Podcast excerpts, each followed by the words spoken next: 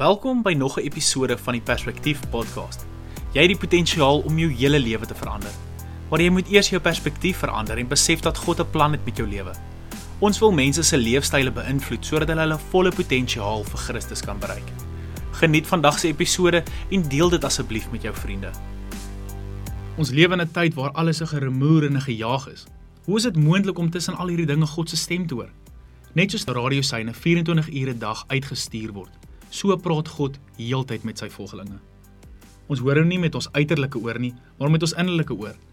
God praat nie met jou verstand of jou logika nie, maar hy praat met ons innerlike mens.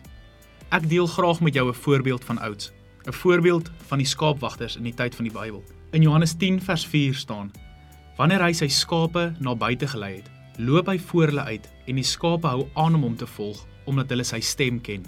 Eers lei hy ons met sy voorbeeld, dan het ons ook sy stem om te volg. Die skape volg hom omdat hy weet dat daar waar hy gaan, is dit veilig en hulle kan hom vertrou. Solank ons naby ons herder bly, sal ons sy stem hoor en weet waar om hom te volg. Om elke dag tyd in sy woord te spandeer en met hom te praat, begin jy meer van sy karakter leer. En dan raak dit ook makliker om sy stem uit te ken. Dit is ook die eerste manier om God se stem te hoor. As ons nie vertroud is met God se stem en karakter nie, raak dit al hoe makliker om agter ander stemme aan te loop en sodoende verder en verder vanuit God se wil te beweeg. Nog 'n manier wat God met jou kan praat, is deur die mense rondom jou. As die mense waarmee jy jou omring ook 'n verhouding met God het, kan hy hulle gebruik om met jou te praat. Moet jy dalk meer luister as jou geloofsfamilie met jou praat?